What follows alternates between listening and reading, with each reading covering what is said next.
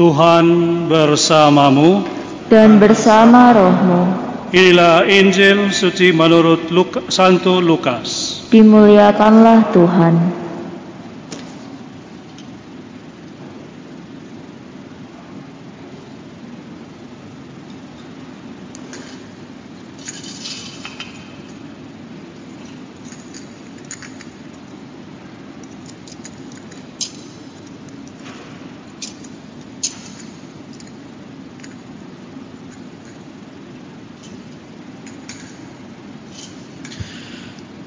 Setelah mendengar berita kelahiran penyelamat dunia, para gembala cepat-cepat berangkat ke Bethlehem dan mendapati Maria dan Yusuf serta bayi yang terbaring di dalam pelungan. Ketika melihat bayi itu, para gembala memberitahukan apa yang telah dikatakan kepada mereka tentang anak itu. Dan semua orang yang mendengarnya heran tentang apa yang dikatakan gembala-gembala itu. Tetapi Maria menyimpan segala perkara itu di dalam hati dan merenungkannya.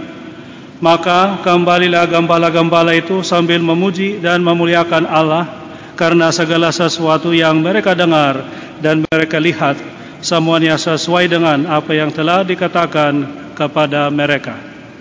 Ketika genap delapan hari umurnya anak itu disunatkan dan ia diberi nama Yesus yaitu nama yang disebut oleh malaikat sebelum dia dikandung ibunya. Demikianlah sabda Tuhan. Terpujilah Kristus.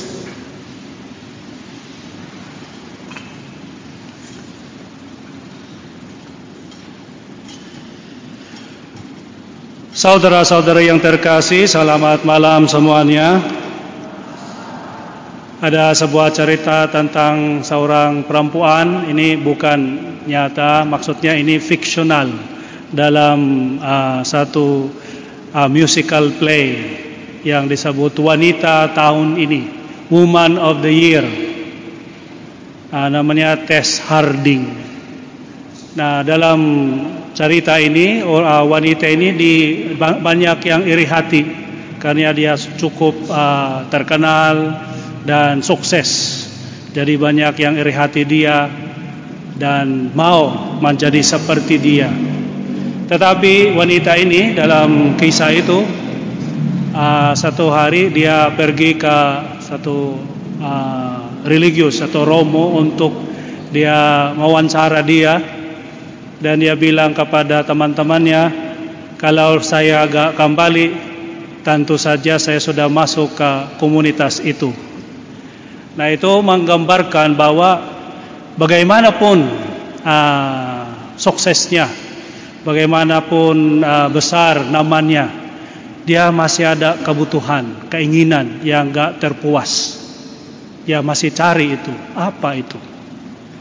Nah, uh, saat ini kita agak berbicara tentang uh, wanita buat tahun ini atau uh, wanita abad ini, tapi wanita selama sejarah kita.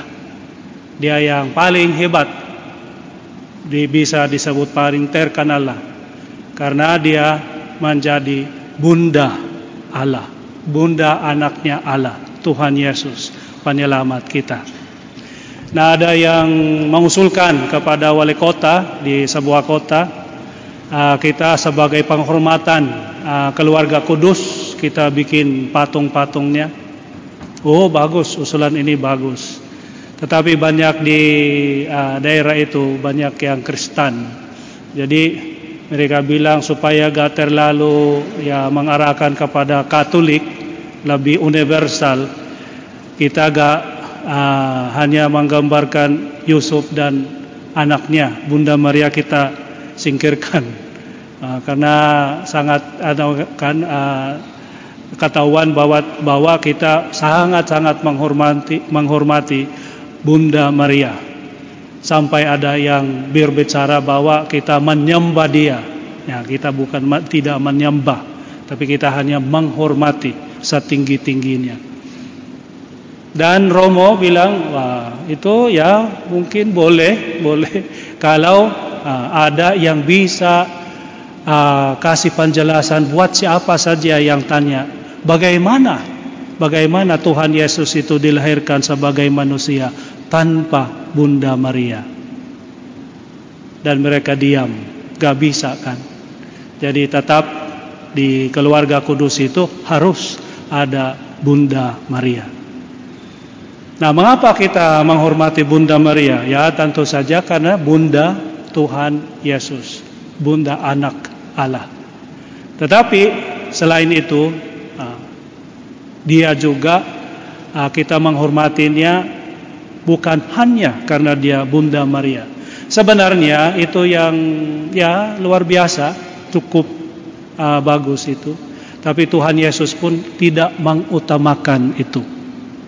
Kalau kita ingat ya satu uh, saat ada yang bilang kepada Tuhan Yesus, Ubu, uh, ibumu dan saudara-saudarimu ada di luar mencari engkau. Dan Tuhan Yesus pernah bertanya, siapa ibu saya? Siapa uh, saudara-saudari saya. Mereka yang melakukan kehendaknya Allah. Nah itu juga kelebihannya Bunda Maria. Karena selain dia mm, menjadi uh, Bunda Tuhan Yesus, dia agak mengutamakan itu juga. Dia uh, tidak pernah menjadi sombong karena itu. Dia tetap rendah hati karena dia menerima tugas itu karena jelas sekali buat dia identitasnya. Dia melakukan itu karena dia hambanya Tuhan. Jadi terjadilah kepadaku menurut perkataanmu. Nah itu uh, dasarnya. Mengapa dia sangat sanggup dan taat dan setia kepada Tuhan? Karena melihat dirinya sebagai hambanya Allah. Hambanya Allah. Nah, ini tahun kita sudah mulai ya, berapa jam lagi di negeri lain sudah yang dan yang lain juga belum tahun baru, tahun baru. Hmm, uh, biasanya ada yang ambil kesempatan ini sebagai uh, waktu yang tepat untuk berubah, berubah hidup. Sebenarnya gak usah nunggu tahun baru, hmm, kapan saja uh, bisa ya kita harus itu melakukan itu. Tetapi ya boleh juga ambil saja kesempatan ini untuk uh, menjadi uh, orang yang lebih baik daripada yang lalu. Nah, bagaimana caranya? Ya, tentu saja kita meningkatkan hidup kita, cara hidup kita kalau itu menjadi benar-benar berkat dan bermakna. Nah, kita kembali ke cerita kisah yang anu itu yang si Tess Harding itu dia sudah cukup terkenal dipuji oleh banyak orang dan banyak yang iri hati pada dia tetapi dia tetap ada uh, kurang merasa kurang di hidupnya ada sebuah kisah seorang yang hebat itu pemain uh, sepak bola. Dia juga uh, karena uh, menanyakan dirinya. Uh, namanya adalah uh, si bukan Tess Harding tapi dia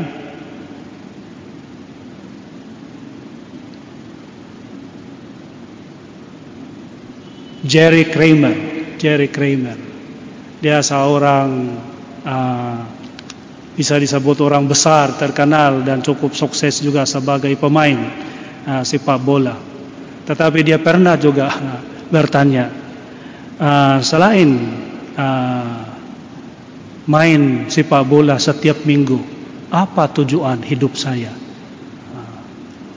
Tapi dia sudah cukup sukses, terkenal, cukup kaya, dan banyak yang iri hati pada dia. Tapi tetap ada ada perasaan kurang masih haus dan ada keinginan yang gak terpuas.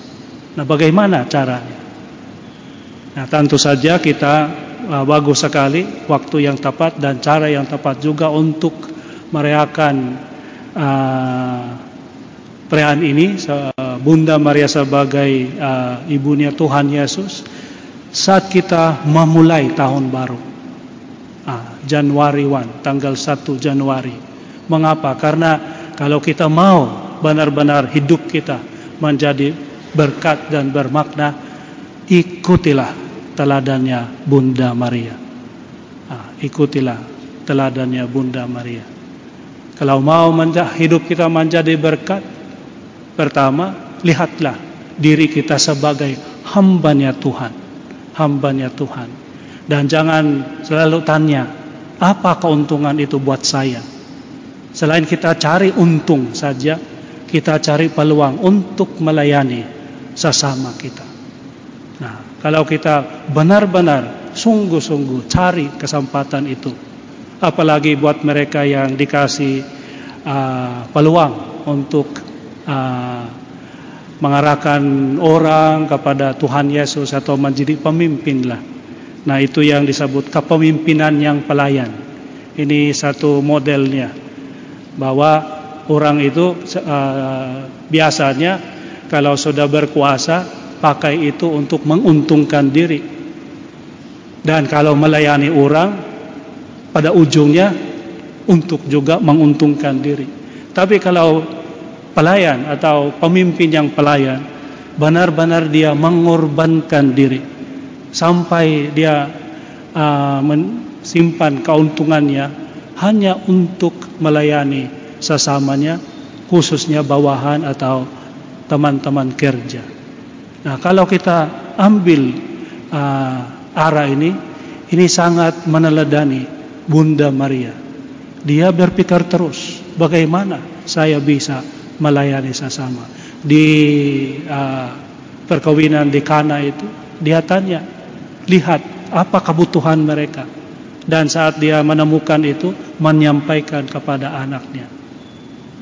Buat uh, orang tua yang ada di sini, pertanyaannya adalah bagaimana kita bisa uh, benar-benar uh, melayani anak-anak, tetangga, teman-teman kita buat yang ada di sini, mungkin yang uh, mahasiswa atau yang ke sekolah, bagaimana kita bisa membentuk uh, teman sekolah kita.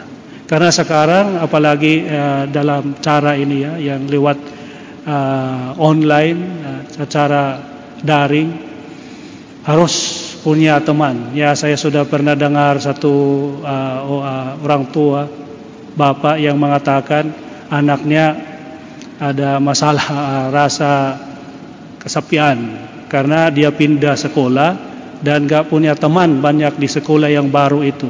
Dan dia merasa kesepian karena zaman sekarang harus ada teman yang bisa membantu kerjasama untuk uh, menyelesaikan tugasnya PR-nya tapi kalau gak ada ya kesepian dan susah sulit buat dia. Nah di sinilah kita bagus kalau pikiran kita buat tahun ini. Karena biasanya kita minta Tuhan, semoga Tuhan memberkati kita dan dapat anugerah berlimpah-limpah. Nah itu bagus juga. Tapi ya gak terlalu sesuai dengan uh, sifatnya Bunda Maria. Dia agak cari terus keuntungan saja. Uh, rahmat Tuhan yang mengalir berlimpah-limpah. Tetapi dia cari dulu mengutamakan dulu bagaimana dia bisa membantu orang lain. Dan ini cara yang paling efektif, yang paling bagus untuk dapat untuk dapat anugerah dari Tuhan. Karena apa saja yang kita minta buat sesama kita, sering kali kita dapat juga. Kita dapat juga. Tetapi kalau kita hanya minta anugerah dari Tuhan buat kita sendiri, kalau datang terlambat, atau secepatnya hilang juga. Karena anugerah itu benar-benar kita bisa terima kalau sudah dibagikan kepada orang lain.